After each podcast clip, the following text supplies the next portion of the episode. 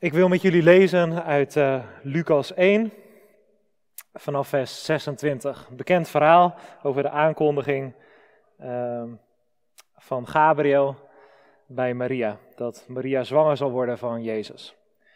Lucas 1, vanaf vers 26. In de zesde maand zond God de engel Gabriel naar de stad Nazareth in Galilea naar een meisje dat was uitgehuwelijkt aan een man die Jozef heette, een afstammeling van David. Het meisje heette Maria. Gabriel ging naar huis, huis binnen en zei: Gegroet Maria, je bent begenadigd, de Heer is met je. Ze schrok hevig bij het horen van zijn woorden en vroeg zich af wat die begroeting te betekenen had. Maar de engel zei tegen haar: Wees niet bang, Maria. God heeft je zijn gunst geschonken. Luister, je zult zwanger worden en een zoon baren en je moet hem Jezus noemen. Hij zal een groot man worden en de zoon van de Allerhoogste worden genoemd. En God, de Heer, zal hem de troon van zijn vader David geven. Tot in eeuwigheid zal hij koning zijn. Over het volk van Jacob en aan zijn koningschap zal geen einde komen. Maria vroeg aan de engel: Hoe zal dat gebeuren? Ik heb immers nog nooit gemeenschap met een man gehad. De engel antwoordde: De Heilige Geest zal over je komen.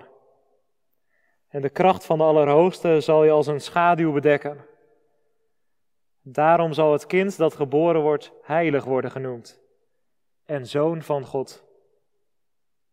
Luister, ook je familielid Elisabeth is zwanger van een zoon, ondanks haar hoge leeftijd. Ze is nu, ook al hield men haar voor onvruchtbaar, in de zesde maand van haar zwangerschap. Want voor God is niets onmogelijk. En Maria zei: De Heer wil ik dienen, laat er met mij gebeuren wat u hebt gezegd. Daarna liet de engel haar weer alleen. De preek bestaat vanmiddag uit een tweeluik. Allereerst zullen we stilstaan bij overwegen met Maria. Daarna het tweede luik heet Pinksteren in de Adventstijd. Eerst deel 1, overwegen met Maria. Lieve zus en broer in de Heer Jezus. Zoals je misschien wel weet, zijn er veel schilderijen en iconen geschilderd over de geschiedenis die wij zojuist met elkaar hebben gelezen. Als je annunciatie intypt bij Google afbeeldingen, komt er heel wat moois uitrollen. En opvallend is dat bij eigenlijk al deze schilderijen en iconen een devote Maria te zien is mooi aangekleed, soms een lelie in de buurt om haar maagdelijkheid te benadrukken, een serieuze engel Gabriel en de Heilige Geest erbij die als een duif tot haar komt. die hele situatie die wordt geschilderd als een liefelijk, bijna romantisch tafereel. Maar zou het ook echt zo gegaan zijn? Wat denkt u? Wat denk jij? We zien vanmiddag in ieder geval allereerst een eenvoudig tienermeisje dat binnenkort gaat trouwen met een timmerman uit hetzelfde dorpje Nazareth, Jozef. En ik kan mij zo voorstellen dat haar hoofd daardoor vol zit met de voorbereidingen van de bruiloft. Ja, van mijn eigen bruiloft weet ik dat de voorbereidingen best wel wat stress kunnen opleveren. Vooral bij de vrouw.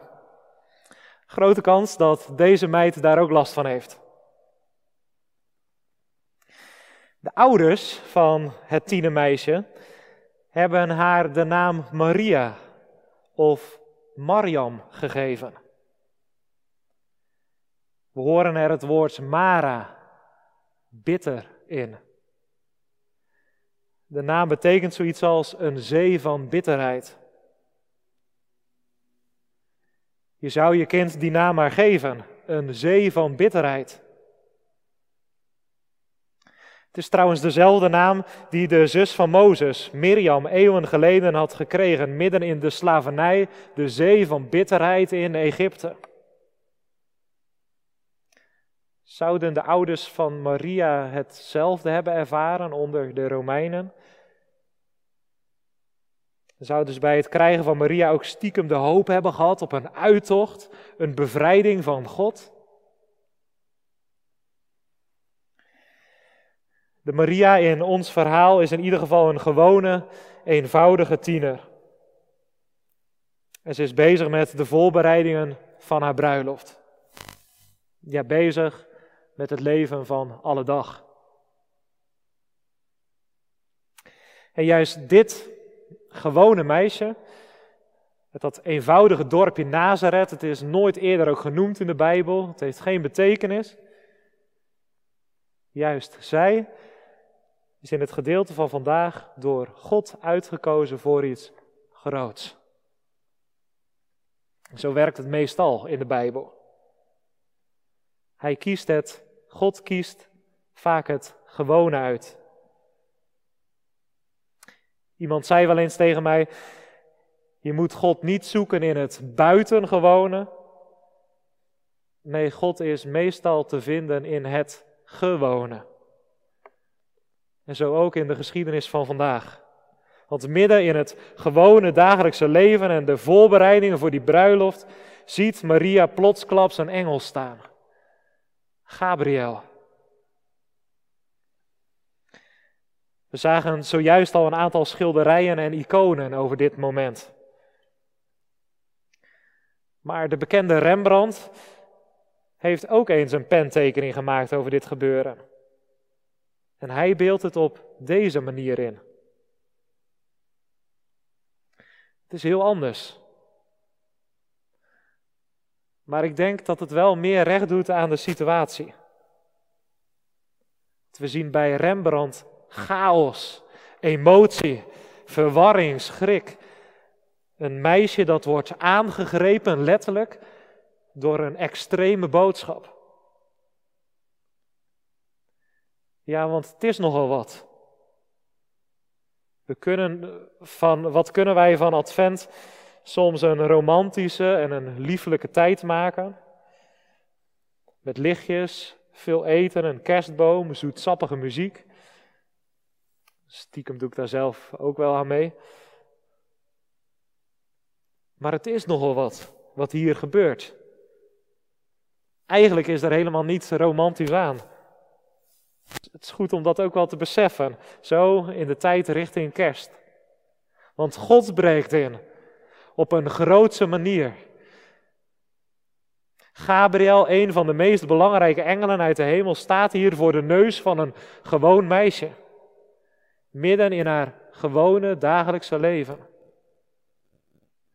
Stel je eens voor dat jij vanmiddag, als je aan het koken bent of zo, opeens bezoek krijgt van een engel. Een engel die ook nog eens heel dicht bij God staat, zoals Gabriel. Ja, dan schrik je je kapot, toch? Dan deins je in verwondering en, en schrik achteruit. Wow.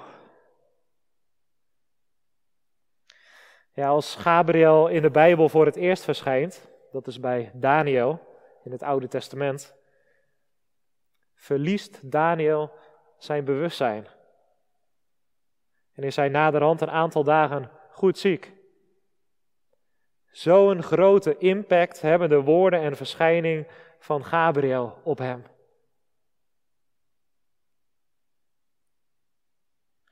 Vandaag zegt Gabriel tegen Maria: Gegroet, Maria, jij begenadigde, de Heer is met je. Het zijn mooie woorden. Maar de reactie van Maria is dat ze net zoals Daniel hevig schrikt van de woorden van Gabriel. En Maria's reactie is er in de eerste instantie dus een van hevige schrik. Logisch. Maar als ze even later wat van de schrik bekomen is, dan staat er letterlijk dat ze de dingen die ze meemaakt eerst eens overweegt, beredeneert. Bijzonder. Na de verschijning van Gabriel en zijn eerste woorden gaat ze dus niet meteen mee in dit grootse gebeuren, maar voert ze eerst een gesprek met zichzelf. Een innerlijke dialoog. Het is alsof ze zichzelf een aantal seconden afvraagt: ja, ik word nu overrompeld door zoiets groots, een, een engel, maar is dit wel van God? Of is het iets anders? Moet ik mijzelf hierin mee laten nemen of niet? Paulus die schrijft in de tweede Korinthebrief dat het kwaad zich ook kan voordoen als een engel van het licht. Iets wat je kan overdonderen, in beslag kan nemen.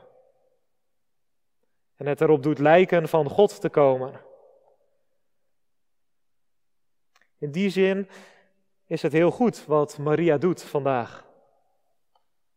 Het is een mooie eigenschap van deze jonge Maria. Ze neemt in dit grootse, overdonderende moment niet alles klakkeloos aan. Ze laat zich ook niet zomaar van de wijs brengen. Nee, ze is er zelf ook nog. En ze weegt dingen af. Want ja, wat kunnen er veel dingen zijn in het leven die je zomaar kunnen overrompelen, overschaduwen. Wat kunnen er wervelwinden zijn die je van je stuk kunnen brengen, die je naar links laten waaien en dan naar rechts. Maar het is altijd de vraag, is het van God? Is het het waard om hierin mee te gaan? Wat zijn op dit moment dingen waardoor de Heere God tegen jou en mij wil spreken? En open je je leven daarvoor? Of sluit jij je er juist voor af?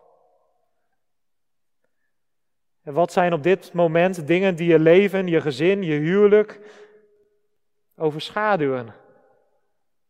Een storm teweeg brengen? En na overweging niet van God zijn? En lukt het je ook om dat los te laten? Maria overweegt alles wat er op haar afkomt en ervaart dat dit, dit met Gabriel, van God moet zijn. Ja, Maria staat wegend en overwegend in het leven. Het is een mooie en een goede eigenschap. En ik hoop dat je er ook iets van herkent in je leven. Want wat hier gebeurt,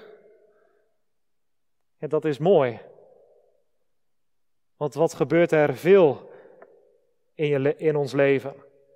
Wat wordt er veel geroepen, ook vandaag de dag? Wat hebben wij mensen nodig als Maria? Die alles eerst wegen en overwegen voordat ze zich erdoor laten raken. En er iets over zeggen. Denk er misschien komende week nog eens aan terug, aan die overwegende Maria. Als je midden in een onrustige periode zit en moeilijke keuzes moet maken.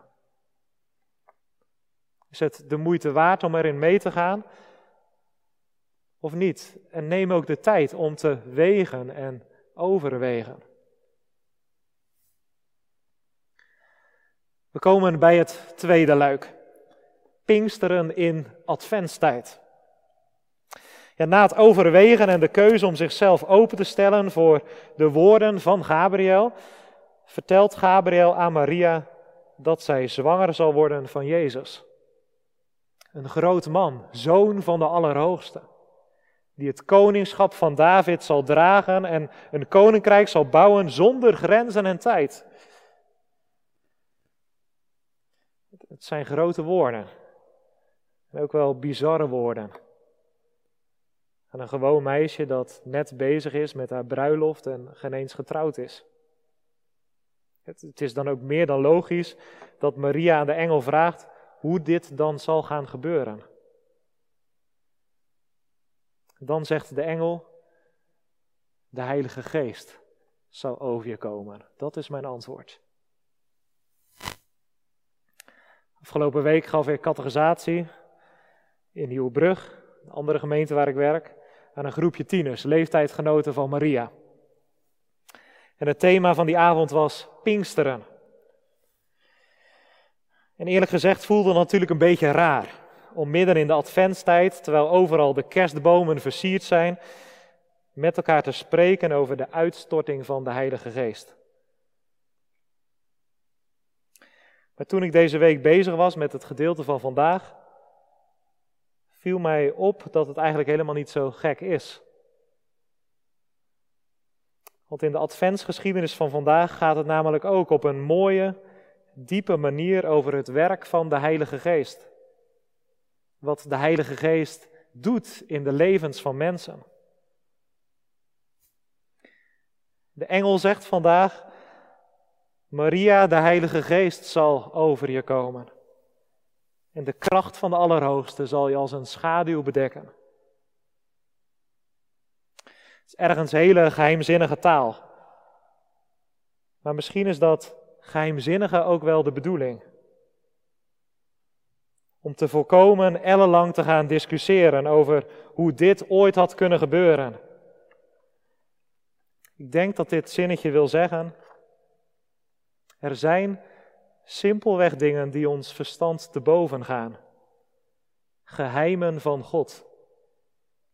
Die gebeuren. Die je kunnen overkomen in de schaduw, buiten ons zicht. Maria, de Heilige Geest zal over je komen. Dat is het antwoord. En de enige reactie van Maria is vanmiddag: Zie, ik ben de dienares van de Heer. Later met mij mag gebeuren wat u hebt gezegd. Het is onwijs heftig wat zij net te horen heeft gekregen, waartoe zij geroepen wordt. En hoe moet ze dit aan haar ouders en aan haar geliefde Jozef vertellen? En tegelijk, tegelijk ervaart ze blijkbaar zoveel vertrouwen om te zeggen: Ik ben uw dienares, uw discipel, uw volgeling. Ik vertrouw mijn hele leven aan u toe. Ja, ik wil drager worden van dit geheim. Kom met de Heilige Geest in mijn leven. Kom maar. Ja, Maria wordt hier eigenlijk de eerste discipel van Jezus. Ze zal hem letterlijk gaan dragen, negen maanden lang. En, en dat geheim dat zal ook steeds zichtbaarder worden, totdat het geboren wordt. En daarna zal ze hem voeden, hem in bad doen, het kind laten opgroeien, tot hij zijn werk zal gaan doen, waartoe hij naar deze wereld is gekomen. De wereld bevrijden van een zee van bitterheid. Ook haar zee van bitterheid om zijn koningschap te tonen. Om door kruis en door opstanding heen te laten zien dat God genadig is voor gewone mensen. Ja, Pinksteren en Advent vallen vanmiddag samen, vandaag op de vierde Advent. En wij vieren dat er een meisje is dat de roepstem van God verstaat en dienstbaar durft te zijn. Een meisje dat haar leven opent voor de Heilige Geest. En er is een geheim. Jezus dat in het leven van Maria gaat groeien. Ja, dat is wat de Heilige Geest doet. Dat is wat er gebeurt als de Heilige Geest in je leven gaat werken. Als je je hart voor Hem openstelt dan zorgt de geest ervoor dat Jezus steeds meer in je gaat groeien. Ja, en, en door de eeuwen heen roept de Heilige Geest elke keer weer gewone mensen, zoals jij en ik, om net als Maria dienstbaar te zijn, discipel te zijn, de Heilige Geest te ontvangen, om het evangelie van Jezus voort te brengen in de wereld. Het mooie vind ik dat dezelfde Maria, die in ons gedeelte de Heilige Geest ontvangt en zwanger wordt van Jezus, jaren later met Pinksteren, samen met de discipelen, vurig aan het bidden is om de uitstorting van de Heilige Geest. Het is alsof ze bidt of alle mensen mogen gaan meemaken wat zij heeft meegemaakt. Dat de Heilige Geest in je leven komt wonen. Dat er in je leven en in je omgeving steeds meer zichtbaar wordt van de Heer Jezus en van zijn koningschap. En al snel krijgt Maria in de vroege kerk de bijnaam moeder van alle gelovigen. En daarnaast vergelijkt men ook al snel de kerk met haar. Dat deed men niet voor niets. Dat deed men in een diep besef en verlangen. Zoals Maria was, ja, zo moeten ook wij als gelovigen, als kerk zijn. De dingen wegend die op ons afkomen. Openstaan voor de wonderlijke en krachtige werking van de Heilige Geest. Dienstbaar aan de roeping van God om het evangelie van Jezus voort te brengen in de wereld. En vandaag zou ik jou willen uitdagen om er de komende dagen eens voor jezelf over na te denken. Hoeveel is er zichtbaar van die houding van Maria in mijn leven? Verstaan wij Gods stem in ons gewone dagelijkse leven? In hoeverre overwegen wij? Sta jij open voor het werk van de Heilige Geest? En is dat ook elke morgen je gebed? Heilige Geest van God, vul opnieuw mijn hart. Laat het koningschap van Jezus groeien in mijn leven. Ja, want zonder het werk van de Heilige Geest in je leven, zonder je leven open te stellen voor de, het werk van de Heilige Geest, kan het ook geen kerst worden. Ja, en eigenlijk zijn wij allen als Maria. Toch? Gewone, zondige mensen. In genade aangezien. Geroepen. Uitgekozen. En vandaag werd ons midden in ons dagelijkse leven hier in Shalo's verteld, gegroet. Ja, jij, ook jou, jij. Ook jou heb ik gezien in genade. De Heer is met je. En waai niet met alle winden mee. Open je leven voor het werk van de geest. Laat Jezus gestalte krijgen in je leven. En wees een voortbrenger van Hem. Op de plek waar de Heer jou roept. Amen.